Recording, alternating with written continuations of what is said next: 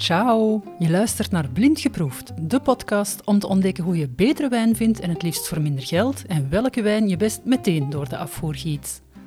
Sta jij regelmatig in de wijnafdeling van je lokale supermarkt te draaien en loop je vervolgens richting kassa met dat flesje dat je koos enkel op basis van een mooi etiketje? Heb je geen idee waar je best op let wanneer je wijn moet kiezen? Breekt het angstzweetje uit wanneer je een wijnkaart in je handen geduwd krijgt? Of hoor je het in keulen donderen wanneer iemand je iets vraagt over een appellatie? Kortom, ben jij op zoek naar goede wijn, maar heb je geen zin in al het gedoe dat daarbij komt kijken? Dan is dit de podcast voor jou.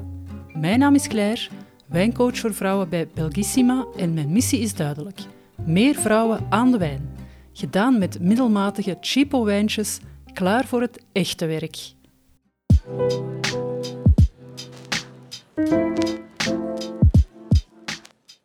Hey, hey, hey. Voilà, is er de eerste aflevering van Blind Geproefd, waarin ik allerlei wijnverhalen en tips met jou wil delen. Misschien moet ik beginnen bij het begin. Waarom ik met wijn bezig ben. Er zijn niet zo heel veel vrouwen in vergelijking dan met mannen met, uh, met wijn bezig. Uh, zeker niet op professionele wijze.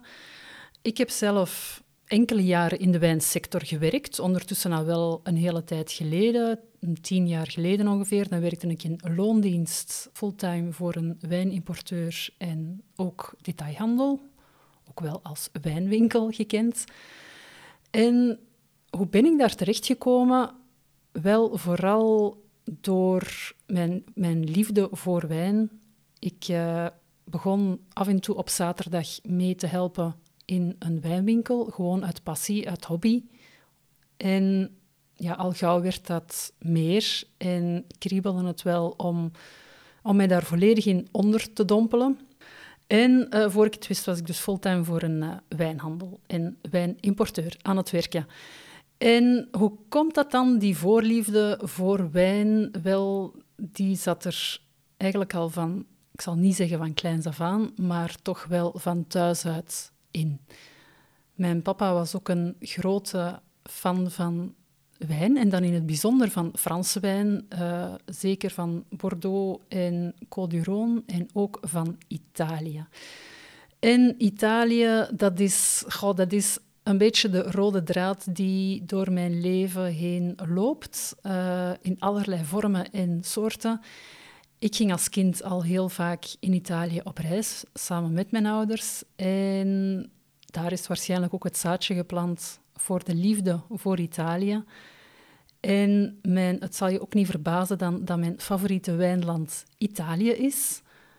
Het is ongelooflijk verscheiden aan variëteit, aan verschillende wijnen, aan verschillende regio's en klimaatzones. Dus het is eigenlijk een, een onuitputtelijke bron van, van uh, plezier voor mij om uh, met Italiaanse wijn bezig te zijn.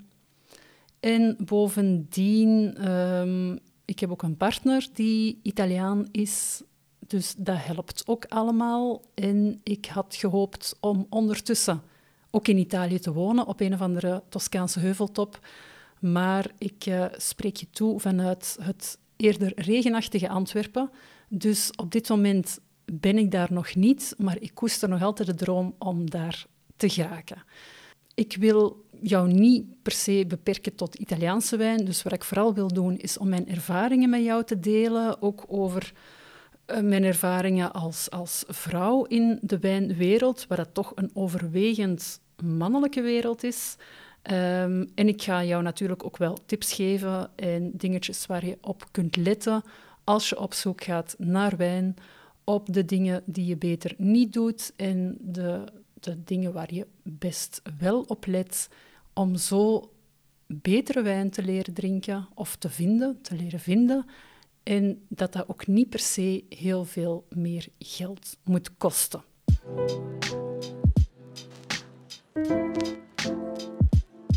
Thuis kwam er bij ons op tafel, toch zeker in het weekend, maar ook wel eens door de week, altijd een goede fles wijn op tafel. En ik ben dat dus een beetje gewend van goede wijn te drinken.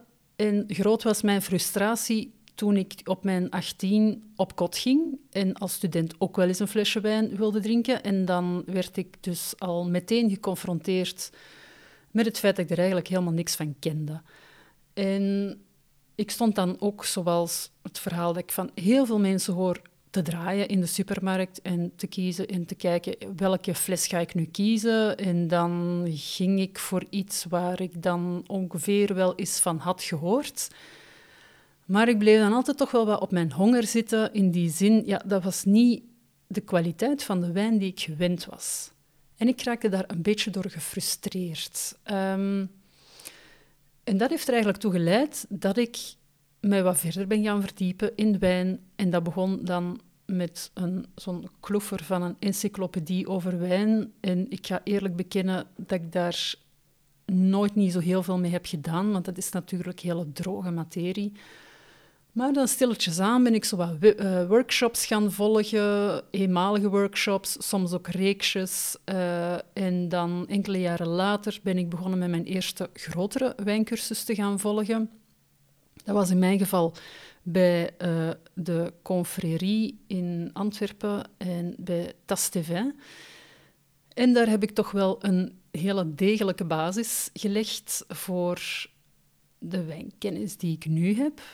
Um, en dan zijn er nog wel wat cursussen gevolgd. Maar wat mij ook altijd opviel, was dat ik daar heel vaak de enige vrouw was in het gezelschap. En dat het ook het, publiek doorgaans ook wel wat uh, visa papa was. Uh, heel veel mannen met haantjesgedrag uh, die toch altijd de duurste wijn en de stevigste wijn naar voorbeelden schuiven.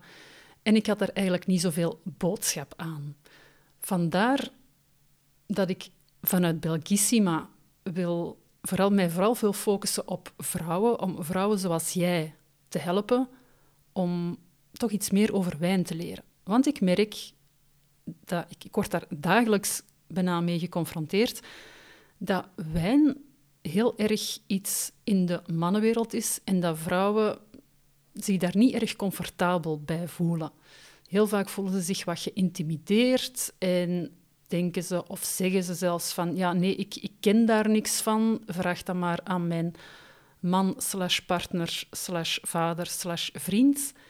Ehm, en dat wordt nogal heel snel weggeschoven, dus waar het dan resulteert in dat vrouwen wel wijn drinken, maar er eigenlijk niks van kennen. En dat is jammer. Want vrouwen zijn van nature eigenlijk veel betere proevers en ruikers dan mannen. We hebben een ongelooflijk groot voordeel met onze neus. Uh, vrouwen ruiken gewoon veel fijnere, subtielere geuren dan mannen in het algemeen.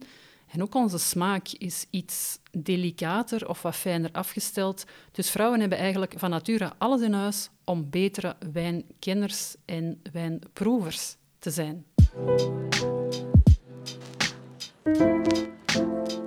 Dus ik heb er zo wat mijn missie van gemaakt om vrouwen meer over wijn te leren. Ik wil daarbij zeker de heren niet uitsluiten. Iedereen is super welkom, maar ik ben ervan overtuigd dat de dames soms nog net iets meer een duwtje in de rug hebben om meer over wijn te leren.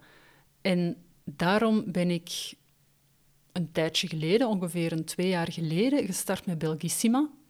De naam ja, klinkt ook Italiaans en dat komt ook omdat uh, het Belgissima en het wijnverhaal eigenlijk een beetje zijn gegroeid vanuit mijn passie voor Italië, ook voor Italiaanse wijn.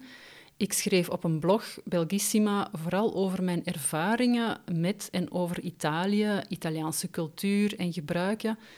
En stilletjes aan is dat meer en meer geëvolueerd in de richting van wijn. En daarom dat ik vandaag voluit voor wijn ga, dat ik die kaart 100% heb getrokken en dat ik mij nu niet meer beperk tot Italië, Italiaanse cultuur of zelfs niet Italiaanse wijn. Want ik denk dat het belangrijk is om als je een bredere basis in wijn wil, dat je dan niet per se je gaat beperken tot één land. Wat wel zo is, en ik ga dat ook niet onder stoelen of banken steken, mijn voorkeur gaat echt wel buiten Italië zelfs uit naar Europese wijnen en iets minder naar nieuwe wereldwijnen. En nieuwe wereldwijnen, dan, dan denk ik vooral aan wijnen ja, alles wat eigenlijk niet Europees is. Dus wijnen uit Zuid-Amerika, uit Chili, Argentinië, Australië, de Verenigde Staten, uh, Zuid-Afrika, Nieuw-Zeeland ook, kunnen mij doorgaans minder bekoren. Maar de uitzondering bevestigt altijd regel, want een van mijn favoriete Pinot Noirs komt uit Nieuw-Zeeland. Nieuw-Zeeland staat daar ook voor bekend. En ik heb ook al super weinig gedronken uit, uit Napa Valley, uit Californië. De beste Malbecs vind je in Argentinië. Dus het is ook niet zo zwart-wit. En toch keer ik elke keer terug naar Europa en naar Italië en Frankrijk vooral omdat die landen ook een hele grote traditie hebben in wijncultuur. En ja, dat vertaalt zich gewoon ook naar wat je in je glas krijgt. Uh, bovendien hebben wij in Europa een heel divers klimaat met heel veel microklimaten, heel veel verschillende landschappen, bergen, vlaktes, meren, zeeën. En dat maakt allemaal dat er een hele grote diversiteit in Europa te vinden is aan druiven in de eerste plaats en dus ook aan wijn. En doorgaans is Europese wijn gewoon iets eleganter, iets fijner, wat complexer dan wijnen uit de nieuwe wereld. Maar opnieuw, dit is een veralgemening. Dat wil echt niet zeggen dat ik nooit geen nieuwe wereldwijn koop. Integendeel, ik, uh, ik, ik zeg het, ik ben zot van Nieuw-Zeeland, uh, Sauvignon Blanc en vooral Pinot Noir. En ik, uh, ik ben echt niet te beroerd om af en toe wat andere dingen uit te proberen. Ik uh, ben doorgaans niet zo'n grote fan van Australische wijn, maar ik heb recent een heel leuk wijnhuis ontdekt uh, uit Australië, die daar hele toffe dingen maken. Dus ik denk dat het belangrijk is om altijd een open blik te houden.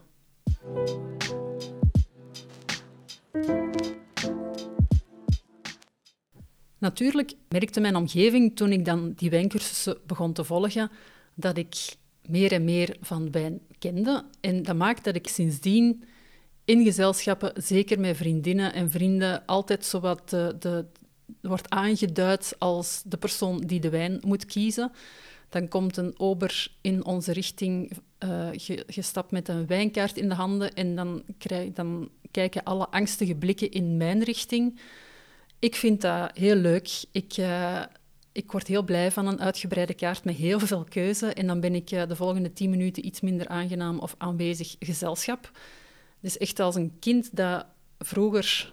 Ik, ik, ik stam nog uit de jaren zeventig. En als ik uh, dan vijf frank had gekregen om naar de snoepwinkel over de school te gaan, dan was ik daar ook wel een half uurtje zoet om de juiste zuurtjes en snoepjes te kiezen.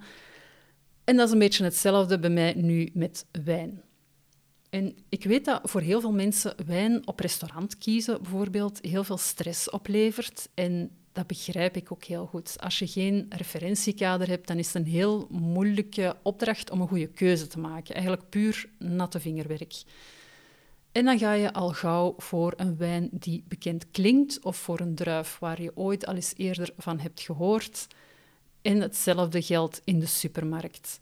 En dat is ook iets waar ik verder in wil duiken. Ik wil jou tips geven en wat meer ehm, ankerpunten of referentiekaders geven om betere keuzes te maken in wijn. En ook eens je, je blik wat te verbreden en niet elke keer opnieuw te kiezen voor de Chardonnay omdat je dat kent.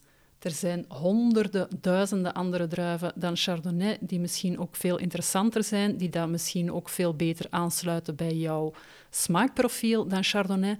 Dus een van mijn tips is proef zoveel mogelijk en ook probeer zoveel mogelijk verschillende dingen uit, want wie weet wat kom je tegen, wie weet ontdek je iets en ga je daarbij een aha-moment hebben van where have you been all my life? Ehm, dus voilà, ik kijk er super hard naar uit om met, uh, met deze podcast in jouw oren te mogen kruipen, om jou tijdens het, uh, het lopen of wandelen of in bad of in de auto ook meer juicy wijnverhalen en tips te mogen bezorgen. Dus uh, without further ado gaan we eraan beginnen. De volgende keer heb ik het alvast over de minimumprijs van wijn die je zou moeten besteden als je een beetje kwaliteit in je glas wil. Tot binnenkort!